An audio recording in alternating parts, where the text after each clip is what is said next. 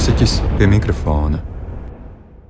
Es jūs sveicinu podkāstā Mūziķis pie mikrofona, kurā caur cilvēku pieredzi runājam gan par emocionālās, gan garīgās veselības jautājumiem.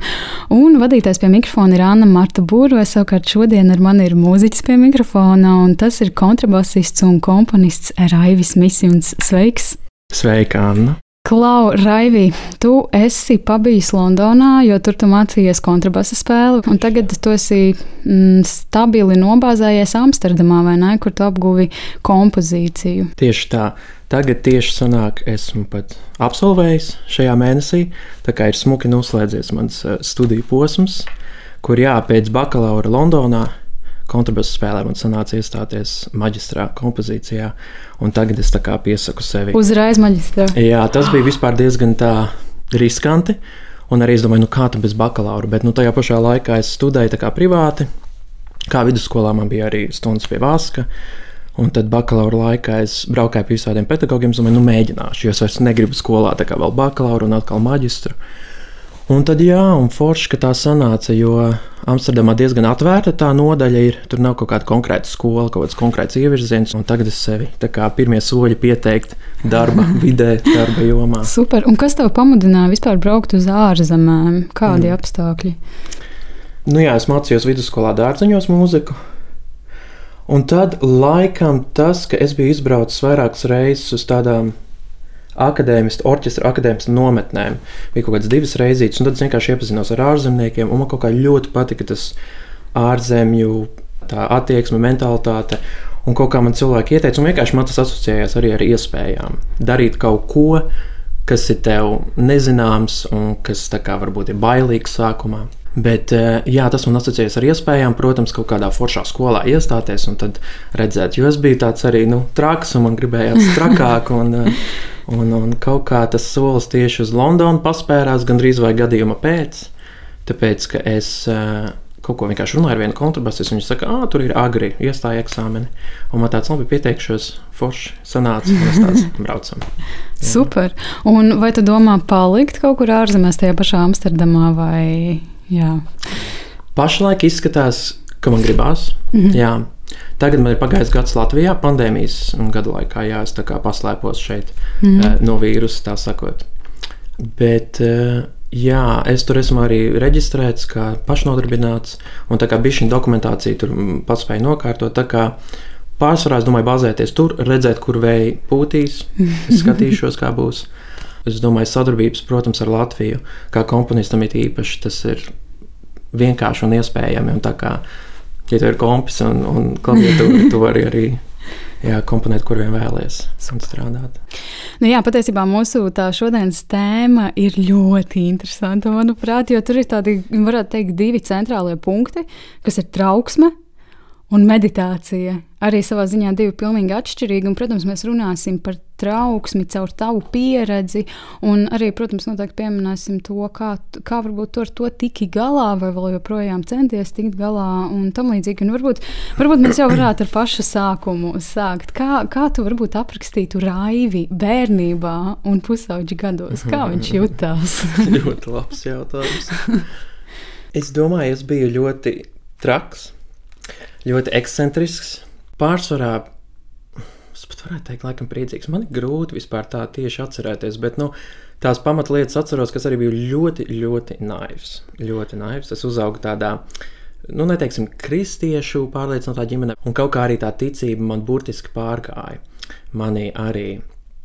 Un uh, es vienkārši gāju visur tā kā ar tādu plūsmu, intuitīvi. Uh, īsti kaut kā, kā konstruktīva tāda domāšana man varbūt, nu, nu protams, kā jau bērnu, bērnībā, jā, protams. Bet eh, jā, tā bija šim pagājusi, es varētu teikt. Jā. Un vai saistībā ar šo mūsu šodienas tēmu trauksmi, vai tu atceries pirmo reizi, kad tev kaut kas tāds parādījās? Respektīvi, kaut kādi satraukumi, kaut kādas domas dīvainas un tam līdzīgi. Vai tas jau bija bērnībā vai, vai nu, vēlāk? Bērnībā tas noteikti bija, un lieta tāda, ka es to piedzīvoju, kad kaut kāds uztraukums uznāk virsū. Nu, es to laikam skatījos vienkārši kā stresu. Ā, nu man stress, man kratās viss, un tā kā es drausmīgi kautrējos, vai arī, kad man kaut kur kaut kas jāaiziet, jāizdara, un tā kā man ir trauksme, es vienkārši nevaru nu, tā, pafunkcionēt, noformulēt teikumus vai kaut ko tamlīdzīgu. Bet tā pret to visu es attiecos tā diezgan tā kā pret tādu stihiju. Tas tā kā notiek ar tevi, tu nezini vispār, ko ar to darīt. Un tad tu ej iekšā galvā, un tad tu tā kā virpinies tajā trauksmē, vairāk un vairāk un vairāk. Kad es sāku mūzikas gaitas 12 gadu vecumā, man bija nenormāli liela iemīlēšanās mūzikā, un, un man viss ļoti patika. Un Es sāku vispār mūzikas studijas ar mežragu. Tas ir ļoti interesanti. Es gribēju wow. stīgu instrumentu īstenībā spēlēt. Jā. Bet es 12 gadu, nu vispār interesanti, es pastāstīšu, kā es iemīlējos mūzikā. Esmu ārkārtīgi jūtīgs bērns. Es ļoti jūtīgi reaģēju uz visu. Kāds pasaka kaut ko, es savalkos, un es varu kā, turēt to domu ilgi un virpināt viņu. Un, un, un, jā, un lūk, šis jūtīgums man kaut kā atklāja saistību ar mūziku es uh, dziedāju korī, un tad mums bija vienkārši viena diena, viens koncerts, kur um, mēs bijām ar apvienoto kori un bija simfoniskais orķestris priekšā. Un man tas bija vienkārši tā, man bija mūzikas stundas pirms tam, un es uh, jā, dziedāju korī, bet ar mūziku man tā kā gandrīz nekas neinteresēja. Es burtnīciņā zīmēju tankus, un man bija tā kā spēlēt datorspēles. Man nekas neinteresē. Bet tieši kaut kā būt priekšā orķestrim, man bija tāds, ak, Dievs. Es skatos uz stīgu instrumentiem, es vienkārši nesaprotu, kā tā skaņa nāk ārā. Kas notiek? Un tad mēs vēl dziedājām kantātu tēvijai, un tur ir tāda ģenerāla pauze pa vidu. Jā. Un man vienkārši tirpiņas par visu. Tā kā viss, viss, viss es kratos bez mazliet. Nu jā, un tāda, tāda ļoti sensitīva, jūtīga un tāda ļoti spontāna jā, iemīlēšanās. Un, jā, ko es gribēju teikt ar mežragu? Uh, Es tā kā viņu spēlēju, bet man īsti nebija patikšanas ar to instrumentu. Man bija diezgan grūti vispār skolā, gan mežraga klasēs, gan klavieru stundās, eksāmeni, ieskaitas un kaut kas tamlīdzīgs. Tas vienkārši es zināju, ka tas nāk, es nevaru dienas pirms tam pagulēt, un man ir tāds. Nu, kā mēs to izdzīvosim? Cerēsim, ka es nenomiršu. Un tur jau tā lieta, tā jau liekas, ka tā tas ir tik traki. Es pat atceros vienu klavieru ieskaitu, kuras spēlēju, pat mūziķiņu, kas man ļoti patika, Filipa Glāsa kaut kāda metamorfoza. Un vienkārši man ir tāds stress, ka man kāja ir pilnīgi notirpusi, un man liekas, ka viņa tūlīt krampīs araus. Oh, un vienkārši to pedāli spiež, un es domāju. Un tas viss bija tā, un pēc tam man tie mm, žūri un pedagogi nāca, nu, ko tu tā Es saku, no stresa man bail. Viņš saka, nu, ko tu tā, nu, mēs te neesam vilku bars. Un, tā. un es īsti nezināju, ko ar to darīt. Mm. Es atceros, ka tēvam es, uh, arī me, man bija arī mežraga koncerti, kurus spēlēju, man vienkārši izžūst mūte, nu, pilnīgs tūkstnes. Un tas ir tā kā, tā ir nāve. Viņas man spēlē. Un tad es vienkārši pāraudājos pēc tam, un kā, nezinu, ko darīt. Kā, kā atrisināt šo problēmu? Es vienkārši gaidu briesmas, eju briesmā mutē, un tā kā vēl nesanāk, un vēl pēc tam sevi šaust par to. Tā kā tas bija rīktīgi tā, ka man nebija informācijas, un man tik ļoti būtu noderējis tāds pragmatiskāks, racionālāks skatījums uz to vienkārši, kas tas ir, kāpēc tas tā ir, un, un, un, un kā to normalizēt. Mm -hmm. Jā. Eksperts pie mikrofona.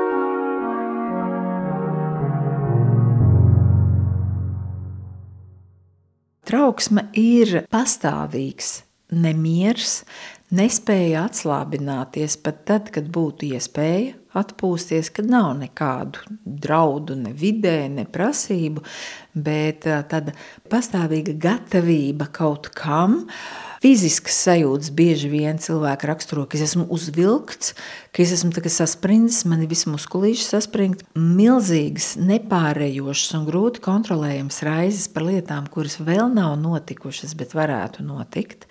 Eh, bieži vien trauksmes eh, tāds atslēgas vārds ir ja nu kas būs, ja nu, ja nu es izkritīšu eksāmenā, ja nu mani atlaidīs, ja nu mēs nokavēsim lidmašīnu, ja nu mans bērns nepieņemsies svarā, ja nu mani neizvēlēsies orķestrī, ja, ja nu, ja nu, ja nu, ja nu.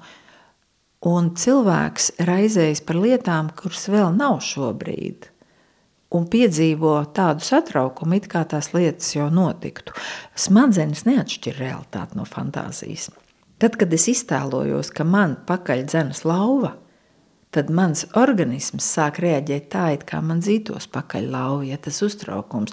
Nu, labi, lauva tas ir tāds mans mīļš piemērs, ja, bet ja es iztēlojos, ka es izkritīšu eksāmenā, tad smadzenes sāk uzvesties tā, it kā es jau izkrītu. Es tādu runāju par to. Es sajūtu, ka man galvā sāk tāds žvinglīts parādīties. Ja? Es tikai runāju, bet smadzenes domā, o, oh, he, he, he, he, Diana raizējas par kaut ko. Ja? Bet labi trenēts cilvēks saprot, o, oh, notika galvā reakcija. Ok.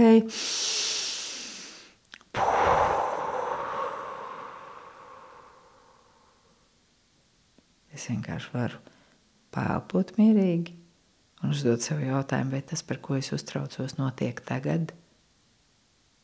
Vai šobrīd es esmu eksāmenā? Nē, es tikai iztēlojos, ka es esmu eksāmenā. Mūziķis pie mikrofona. Tu pieminēji, jā, par to, ka, piemēram, tev skolas laikā kolīdz bija kaut kādas ieskaitas, un es saprotu, ļoti rezonē ar to, ka vienkārši viss trīc, un tu, bez, tu esi tik labi patiesībā iemācījies, iedziļinājies tajā mūzikā, bet tu nespēji to izlaist uz āru. Tagad, kad lūk, tu esi komponists un kontrabasists, un tomēr koncerti pirms pandēmijas laika tev bija, kā tu ar šo uztraukumu tiec galā? Nu, man ir jāsaka, ka man vēl joprojām ir šādas lietas, un tas tā kā nekur nepazūd.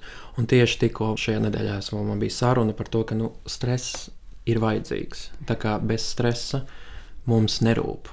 Man pilnīgi nāk atmiņā viena viena atmiņa, kur es kaut kad 11 gadu vecumā biju drausmīgi balējies dienu pirms tam, un tad nākamajā dienā bija jāspēlē koncerts. Es biju totālās paģirās, un man vispār nebija nekāda stresa. Man bija tāds, es iešu un nospēlēšu. Un tas bija katastrofāli. Es man tā kā nerūpēju. Tā kā ir forši pamanīt to stresu, jā, ka kaut ko tādu, kas tev var palīdzēt, kas nozīmē, ka tā kā tev rūp, un ka tas īstenībā, nu, vismaz zinātniski tulkojas, ka tu esi bijis šī tā kā aktīvāks un ka tev adrenalīns plūst, un tāpēc tu vari performēt vairāk, spicāk. Bet, protams, ja tas ir pārspīlētā režīmā, tad tev vienkārši motorika un, un vispārējais sāka klemēties. Es domāju, ir svarīgi saprast, kas tie ir par impulsiem, kad tu dodies uz skatuvi un mēģini saprast, ka tu esi drošā vietā. Tu nenomirsi, visticamāk, tā kā viss būs kārtībā, jo ir tāds vienkārši basic instinkts, ka tev draud briesmas. Tāpēc tev šķiet, tu nokļūdīsies, nospēlēs kādu nepareizu noti, tev liekas, ka vienkārši būs nu, kaput. Bet ir svarīgi saprast, ka tas ir vienkārši tas mehānisms, tas perfekcionisma mehānisms, kas tev ir tik ļoti ieskolots iekšā no, no skolas laikiem, kur tu mēģini perfekti atskaņot nošu mūziku. Un kaut kā vienkārši tas jāsaprot ar tādu ciešāko pieredzi, ka tas ir ok, un ka īsnībā audience tev vēlas palīdzēt, un ka īsnībā viņi grib arī, lai visiem ir forši, un ka nav kaut kādu ļaunatminīgu cilvēku. Īsnībā daudzās vidēs ir. Man arī bija interesanti runāt ar studentiem Parīzes konservatorijā, jo man bija viens apmaiņas gads Parīzē.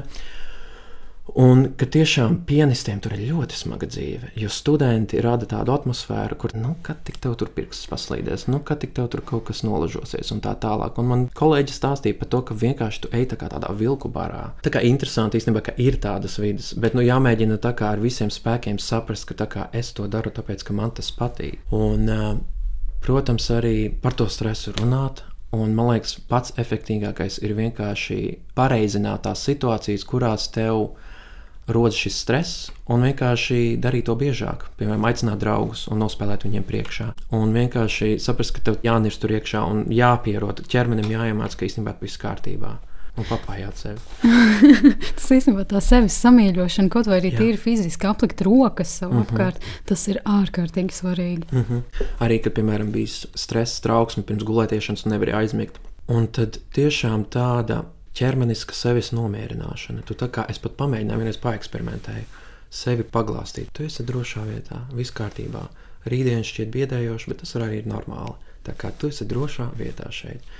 Un atcerēties to, ka tie, tie instinkti, kas mums evolūcijas laikā ir radušies, ka viņi mūsdienās ir, nu, viņi ir jāadresē un jāsaprot, ka viņi nav nepieciešami, lai mēs funkcionētu. Eksperts pie mikrofona.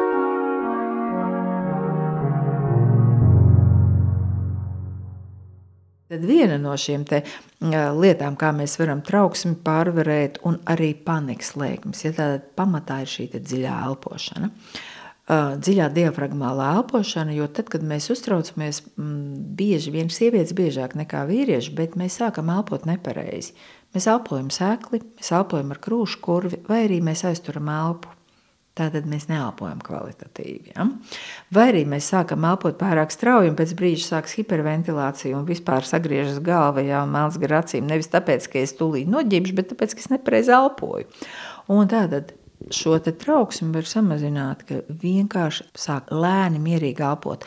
Diafragmālās elpošanas dabiskā māsa ir nopūta. Lai varētu nopūsties, ir dziļi jāievāk elpa līdz pat diafragmai. Ja? Ui, ja nevar. Jā, tā nav nopūta. Ja? Nopūta vienmēr ir tas ievāk, un tad. Oh, Un ir taču mūsu tautā teiciens, ko tu pūti kā sila priede. Ja? Šī nopūta ir tāds dabisks nervu sistēmas stabilizētājs. Pelītes nopūšas, lauvas nopūšas. Un dažreiz mēs varbūt esam ievērojuši, ka varbūt kāds radinieks ģimenē, sevišķi vecāki cilvēki staigā un ik pa brītiņam nopūšās. Viņš pēc būtības stabilizē sevi. Un dažreiz arī mēs paši varam pieķert sevi, ka tad, kad ir lielāki satraukumi, ej, Ej, kas ar mani notiek? Es nopūšos ik pa brīdiņam. Ja? Tāda mūsu bioloģija, mūsu fizioloģija zina, kas ir jādara. Bet tā kā apzināta šī dziļā elpošana ir tas, ka tajā brīdī, kad es jūtu satraukums kāpju, uzņem apgriezienus, ja tūliņa auto brauks ar 200 km/h, ja, tad es nevaru ietekmēt to, ka man tā sirdsdarbība nomierinās, un nevaru ietekmēt, ka man ausīs neģingst. Bet es varu regulēt elpošanu, sākot mierīgi elpot, Pamazām es atslābinos. Mūziķis pie mikrofona. Un pavisam noteikti man patīk arī tā doma, ko tu teici, ka ir jārunā par to. Jā. Jo tajā brīdī, kad tu nerunā, tu principā kaut kādā ziņā arī no vienas puses varbūt arī neapzināti noliec to, un tad tu tiešām vari arī nezināt, kas tas ir. Jā. Vienīgais, es varbūt vēl vēlējos pie, pievērsties tam vienam vārdam, ko tu pieminēji - perfekcionisms. Ah. Vai tu tāds piedzimi, vai tu tāds uzaugi, vai Jā. tu to pārtvēri no skolas lietām? Jā, kāda ir tava šī pieredze ar perfekcionismu? Varbūt arī kā tev tas izpaudās? Jā, ir divas lietas. Tātad man jāatcerās pēc tam pieķerties. Ir skolas lieta, kā tu teici, un arī personīgā lieta. Es kaut kā uzaugu ar to domu, ka es varu būt labs un ka es varu kā, izdabāt visiem, un ja es būšu labs, es krāšu foršos punktus, labos punktus, un es nokļuvuši paradīzē pēc savas nāves. Protams, pēc tam es saprotu, ka lietas tā nenotiek. Bet jā, kaut kā iekšā uzvedības modelī man bija tā, ka man visu laiku ir jāizpatīk visiem. Vislielākā problēma ir, ka es neatļauju sev dusmoties, un dusmas ir ārkārtīgi svarīgs afekts cilvēku emocionālajā pasaulē. Man liekas, ja tu dusmojies, tad tu esi neveselīgs cilvēks. Ja tu dusmojies, tu esi neadekvāts. Tev kaut kas ir jāsakārto. Tas nav forši. Tā kā līdzsvarots cilvēks nedusmojas. Un tā kā vienmēr es arī vērtēju cits, kas atļāva nu, padusmoties un tā tālāk. Un man liekas, tas pat interesanti. Es pat blociņā kaut kur rakstīju, ka pilnīgi tāda ķēdes reakcija izveidojās, ka tā kā dusmu noliekšana, tad tev sāk veidoties tāda kā apātija, tad uh, motivācijas trūkums un vienkārši sev neticēšana. Tāpēc, ka tu represē šo ļoti svarīgu emociju, kas, protams, varbūt asociējas uzreiz, ka dusmas te uzreiz ir jākliedz un tā tālāk, bet tā, protams, nav tāpēc, ka tā ir agresija un tā ir pēc būtības antisociāla arī, bet dusmas kā, kā savs viedoklis, ka es pastāvēšu par sevi un es mācīšu pateikt nē, kas man ir arī bijis ļoti, ļoti grūts pasākums visā šajā laikā. Jo tu vēlēsies izdabāt, tu vēlēsies būt labiņš, un tur tie punkti taču jākrāj. Bet uh, pateikt, nē, pastāvēt par sevi, man tā kā bija grūtības. Un līdz ar to nāca vēl grūtības izlemt lietas, saprast, kas ir īsti priekš tevis. Un tad uh, es studiju laikā man bija pilnīgi trīs reizes, pat, kā es gribēju izstāties no skolām, jo man tā kā liekas, šis ir pārāk sarežģīts, šis ir pārāk stresaini. Es labāk darīšu kaut ko citu, sākšu no jauna. Kas reizēm arī var strādāt, bet tas arī uzreiz uh, veicina tādu bēgšanas sindromu. Tas ir viens punkts par to perfekcionismu. Un otrs punkts, kas vēl nepalīdzēja tam, ka mācoties uh, klasisko mūziku skolās, tiek ļoti liela uzmanība pievērsta nošu interpretācijai. Perfektā līmenī, bez mazliet. Jūs visu laiku fokusējaties, lai viss ir izcili, lai viss ir satriecoši.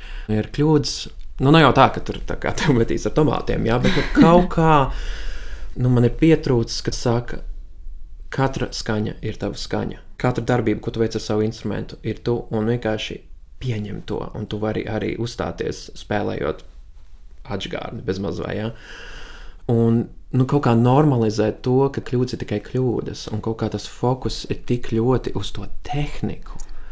nu, man tagad tas liekas jocīgi. Un man arī personīgi galīgi neinteresē skatīties tehniski virtuozu cilvēku, kurš ir fokusējies uz to virtuozitāti. Man liekas, ja tev ir azarts un tāda dzīva interese, un tu esi saskaņā ar sevi tajā, ko tu dari, piemēram, spēlēt to instrumentu, tehnika ir tikai tehnisks jautājums. Tu viņam vienkārši pieiesi klāt, un tev būs interese, un tu to uzskačās. Man vienmēr ir arī iedvesmojoši amatieru mūziķi, jo viņi kā māk, tā mauj. Tā kā, un, bet kas ir svarīgāk, ka viņos ir emocija. Es tev nodziedāšu šito dziesmiņu. Un mums, skolotiem mūziķiem, reizēm tā ir tāds stress no uzstāšanās, reizēm vai no kļūdām, ka, kā, oi, nē, nē, nē, es labāk tad, nu, nespēlēšu. Es negribu spēlēt cilvēkiem mm. priekšā. Jā.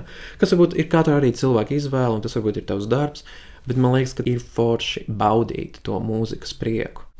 Man īstenībā ļoti patika viena ideja, ko tu man, man liekas, vakardien īsiņā mm. atsūtīji. Man tieši tas tie vārdi patika, ka iedvesmojoši ir domāt par to, ka mēs varētu attīstīt perfekcionizēt mūzikas mm -hmm. skolu attieksmi pret skaņdarbiem un komponistiem, jo tā nu diena ir ārkārtīgi liela problēma, vai ne? Ka mēs gan šajās mūzikas vēsturēs, gan arī specialitātēs domājam, vot, nu, re, kur ģēnijs, dievs ir uzrakstījis šo skaņdarbu, un tagad man arī tā arī ir jāizpilda. Bieži vien aizēnojot iespējams kaut kādas absolūti individuālas lietas, vai ne? Jā, uh, pilnīgi. Es pat tikko kaut kādā skatījos kaut kādu ierakstu uh, YouTube, un tur pat cilvēks saka, ir jāciena komponists viss, katra nots, katra dinamikas zīme. Nu, protams, ir jāciena, tas ir forši, bet mēs varam uz to skatīties, ka jā, viņi ir darījuši arī to, kas viņiem patīk, un viņi arī ir bijuši cilvēki. Un tur arī apakšā, ja tiek veikta um, izpēte, tur ir daudz nepilnības, ļoti daudz rediģēšanas.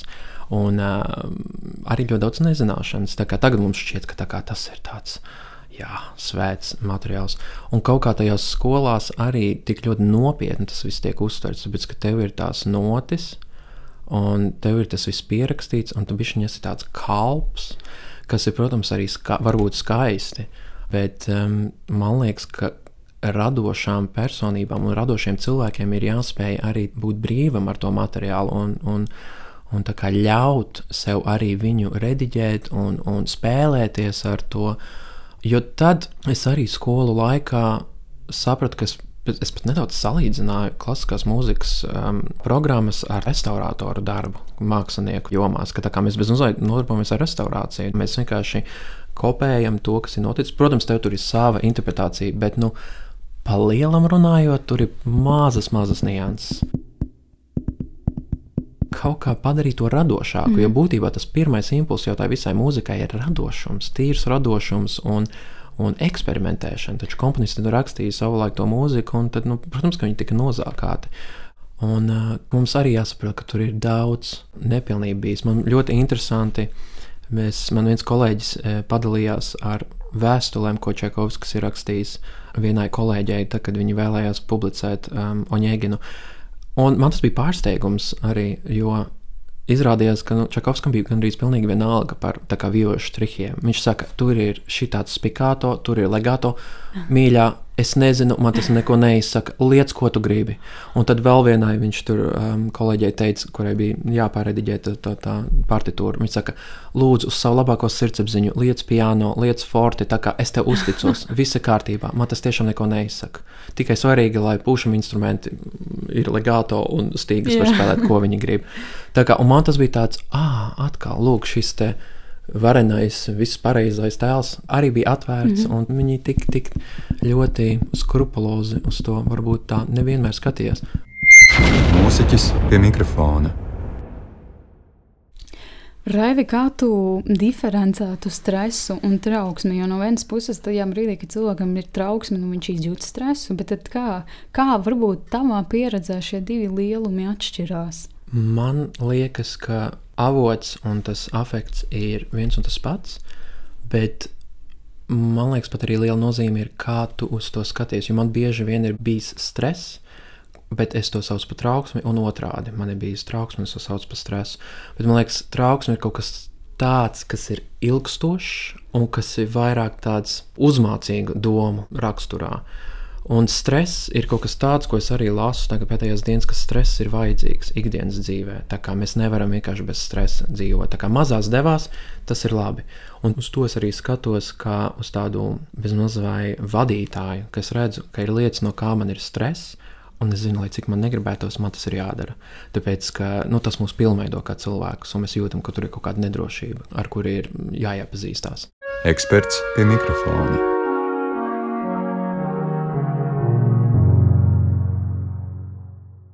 Stress var būt gan fizisks, gan fizioloģisks, gan emocionāls. Ja mums ir jānes 100 kg maisa, 100 metrus, tad mūsu organisms izjūt fizisku stresu. Ja? Organismam ir pārāk liela slodze. Stresam ir ļoti, ļoti daudz definējumu. Bet viena no tādām ļoti jaukām definīcijām ir stress, ir tad, kad vidas prasības pārsniedz organisma iespējas.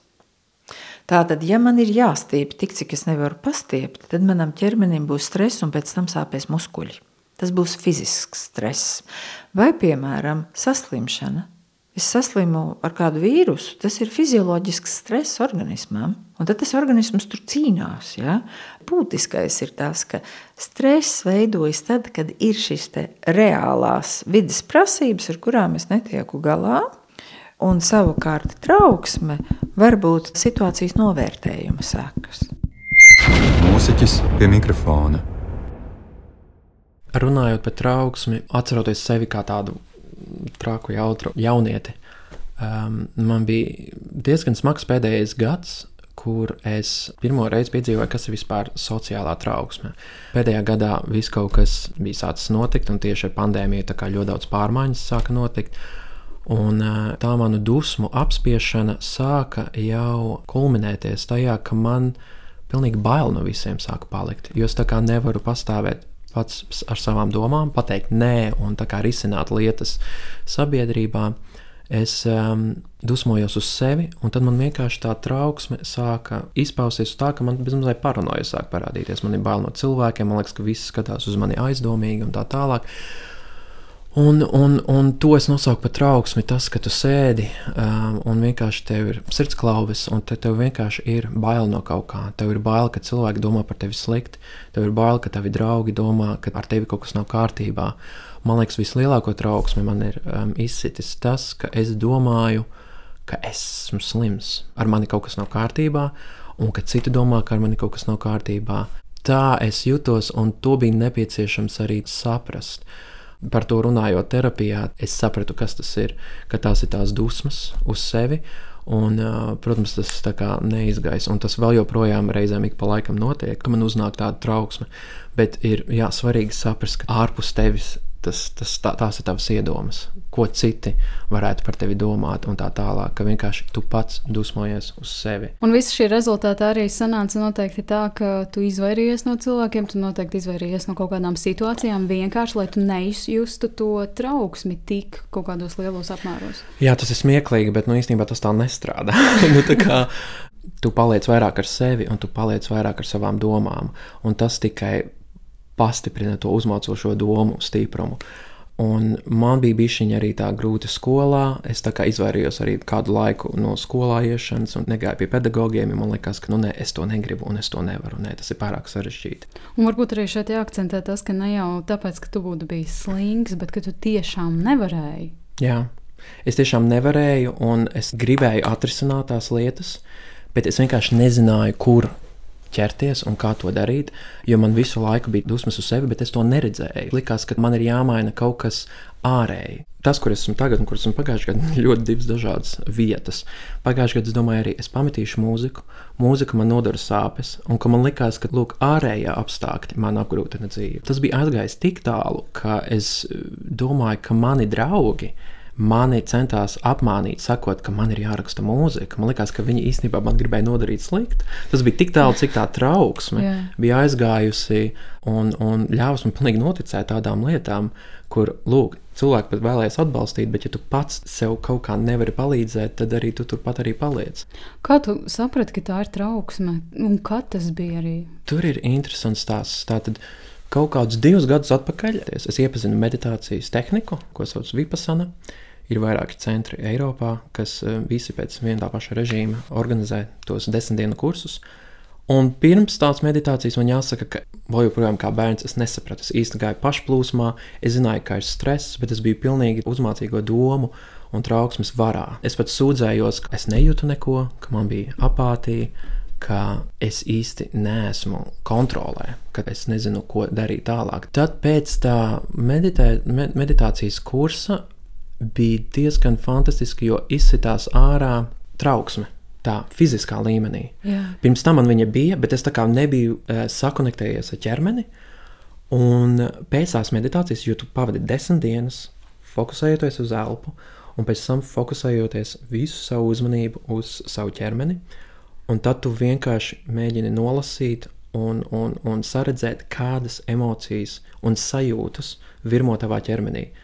Un tad pēc tā pirmā kursa, kas man pilnīgi norāva jumtu, man tur bija gan, gan trakas sajūtas, gan traki sapņi un viss. Es vienkārši sapratu, ka man ir visu laiku tāda stipra pavadoša trauksme. Es eju pie kaut kāda drauga, un es, piemēram, pusstundu, stundu ilgāk varu domāt par to, ko es teikšu tam draugam, kad es viņu satikšu. Piemēram, mm. lūk, tā ir trauksme. Mm -hmm. Jo viņa ir pilnīgi neracionāla. Tev nav jēgas domāt par to, kas notiks, kad tu satiksi, jo viss mainīsies un viss būs tajā mirkļa varā. Un, jā, un pēc šīs meditācijas es sapratu, ka man sirdsklauvis ir. Un es sapratu, ka tas nav ok, un ka man tā nav jājūtas. Un tad pamazām es sāku vairāk un vairāk dzirdēt, par ko citi cilvēki runā. Lai gan es ļoti daudz arī biju lasījis grāmatas lūk, par psiholoģiju, par labas dzīves dzīvošanu un tā tālāk, tas viss bija intelektuālā līmenī. Un lūk, ko šī meditācija man iemācīja, tas, ka tu pats ar savu pieredzi, izjūti tās emocijas, un tu pats to izdzīvo. Un sava personīgā pieredze ir uh, vissvarīgākā. Jo bez tās tev var būt guru blakus, tev var būt gudri cilvēki blakus, tev var cilvēks iemīt taciņu, bet ja tu pats to neizdzīvo, tad um, ir ļoti grūti jā, orientēties un saprast, kas ir kas. Tā kā pēc meditācijas, jā, es um, sapratu, ka man ir trauksme un ka kaut kas tur ir jādara. Klau, kā tu nonāci līdz meditācijai? Tu tev vienkārši vienā dienā ienāca doma prātā, ka mm, varētu aiziet pameditēt. nu, gadrīz vai. nu, jā, nu, tur bija koledžas laikā, un es jā, sūdzējos par to, ka es nejūtu tik daudz emociju, ka kā, es jūtu, ka kaut kas nav, kaut kas sāk palikt sarežģīti. Un tad es biju dzirdējis, ka kāds paziņa um, bija uh, aizbraucis uz šo kursu, un ka viņš ir baigi trakais. Uh, ka desmit dienas tu sēdi, tu nevienu nekomunicē, nav acu kontakts, ir varbūt 50 vai 100 cilvēki tajā kursā, un tu meditē 10,5 stundas dienā. Un um, tu cēlies 4 no rīta, un tu ej gulēt 9.30. Man liekas, wow, Ārprāts. tā ir disciplīna. Un eh, es pats par sevi tāds eh, jūtīgs cilvēks, kuram arī patīk vienatnība reizēm. Es domāju, nu, tas tieši priekš manis. Un tad es saņēmos vienreiz, un es domāju, nu, pamēģināsim, tas kaut ko varētu izdarīt. Nu, jā, un bija forši tas, ka es sapratu pēc meditācijas, ka man ir stress, ka man ir krāta tā kā bezmaz vai sirdsklauvis. Bet es īsti nezināju, ko ar to darīt. Tad es vienkārši sapratu, ka nu, labi, aizējām uz terapiju. Es aizgāju te Latvijā, būdams um, pie terapeita, un tas bija fantastiski. Tāpēc, ka meditācija dod tādu spēju fokusēt savu uzmanību un sajust un redzēt visu savu garīgo un prāta saturu, tā kā uz dēlnes. Tu redzi, kas tevī notiek. Bet terapija man palīdzēja to kognitīvi un racionāli saprast, kas ir kas. Kur meditācija ir vairāk abstraktāka un tev pašam vismaz ir jāsaprot, ko darīt. Un man tieši trūka tā racionālā, vienkārši zinātniskā eh, cilvēka psiholoģijas um, jā, mm. ideja. Tāpēc sanāk tiešām, ka tev ir jābūt ne tikai tai emocionālajai saiknei ar tevi pašu, ko vienmēr dzīves laikā var attīstīt, bet arī ir jābūt klātam racionālajam. Man liekas, ka ļoti svarīgi arī ir uzsvērt to, ka, un tas ir tas, ko tu arī, man liekas, kaut kādas sarunas sākumā pieminēji par to dusmu apspiešanu, mm -hmm. ka patiesībā tu tādā veidā sev nodari nenormāli pāri, jo, lai varbūt izpatiktu citiem un būtu labiņš un jaukiņš, tu tajā pašā laikā sev ārkārtīgi daudz nodari pāri un varbūt tiešām varētu akcentēt to, ka tā tam nav jābūt. Protams, jā, un nu, tur jau tā trakākā lieta, ka es vispār neiedomājos, ka tās ir dusmas uz sevi, kad, piemēram, piemēram, es sēžu mājās, man kaut ko varbūt nav enerģijas komponēt vai kaut ko tamlīdzīgu, un tad es būtībā visu šo laiku, nu, visu dzīvi dusmojos sevi. Ai, Raivi, tu tā kā tev vajag visu laiku rakstīt, tev vajag rakstīt. Kā arī, protams, perfekta mūzika, un ka tā kā tu nevari tagad sēdēt apūsties, tu šķiet laiku. Un uh, es tikai ar terapiju strādājot un, un, un pieslēdzot um, meditāciju arī saprotu, ah, Tagad atkal es uz sevi dusmojos. Tā nevajag darīt. Jā, nu, bet tas ir tiešām interesanti, ka es visu laiku domāju, ka tās bija racionāls domas pirms tam. Ah, man vajag darīt vairāk, man vajag darīt vairāk. Bet tur jau tā atslēga, ka vajag vienkārši ļauties un darīt mazāk, un vienkārši nečakarēt sevi. Jā. Bet tas ir grūti, ka tu to neredzi, ka tu to pats sev dari. Mūziķis pie mikrofona atpūšas.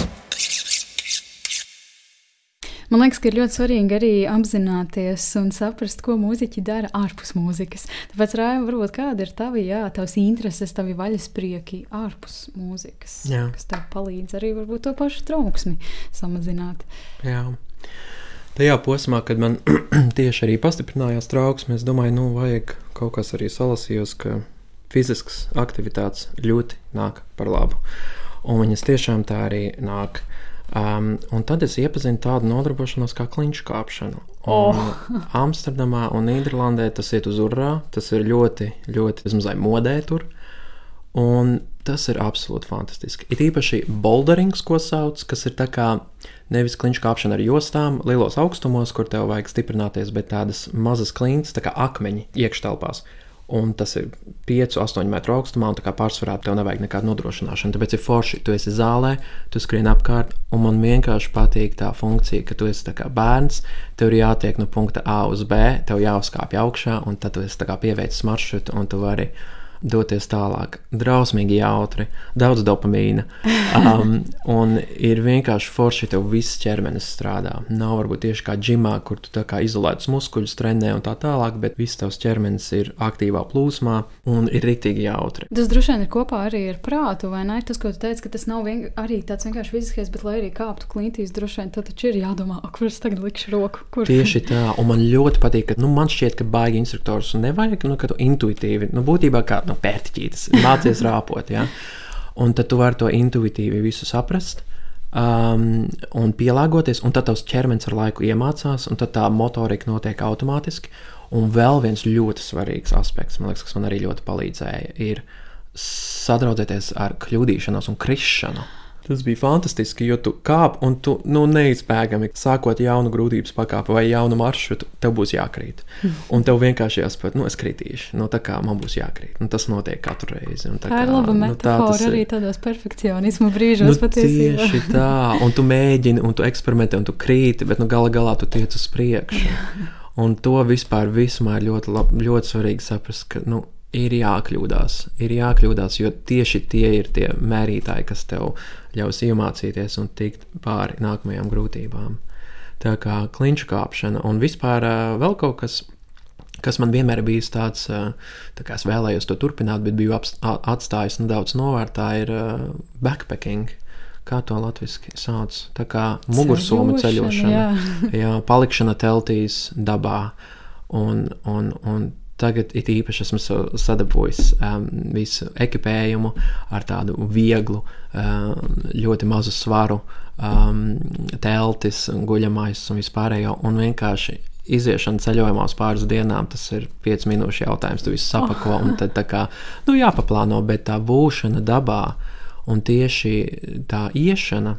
Jā, rīktīgi ļauj man sakonektēties ar to plūsmu, ar dabu. Tu esi procesā, Tas arī nu, zinātniski ir pierādīts, ka tur uh, endorfīni izdalās un ka tu jūti to plūsmu un saikni ar apkārtējo. Tavs es nedaudz izzirst, un tu kļūsti viens ar to visu procesu.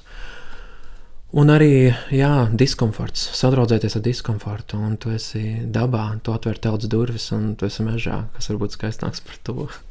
Raiva, kas varbūt ir tava lielākā atziņa pēc visiem šiem trauksmes pilnajiem gadiem, ko tu varbūt arī varētu novēlēt klausītājiem, kas arī varbūt jūtas gluži līdzīgi kā tu? Es teiktu, neapspiest sevi, ļaut sev just to, ko tu jūti. Arī ja tās ir kaut kādas dusmas vai aizkaitinājums pret kādu mīļu cilvēku, tas viss ir ok tā mēs funkcionējam, tā mēs dzīvojam. Un tā bija jā, mana lielākā problēma, kas neļāva sev just to, ko es jūtu. Un tas uzreiz izraisīja tādu haosu ķermenī. Mm. Tāpēc ticēt sev, ka tas, ko tu jūti, tas ir autentiski tu, ka tu tikai palīdzi sev, ka tu dod uh, jā, tiesības sev izjust to, ko tu izjūti. Un, un tad uh, pēc tam tas jāapstrādā un jāredz, kā tas jāievieš uh, kontekstā, bet jā, nerepresēt savas jūtas. Raivi, milzīgs paldies tev par šo brīnišķīgo sarunu. Paldies, Anna. Ārkārtīgi liels prieks piedalīties un paldies par aicinājumu. Mēs jau ar jums, pārējiem klausītājiem, tiksimies jau pēc nedēļas nākamajā podkāstu mūziķis pie mikrofona sērijā. Mūziķis pie mikrofona.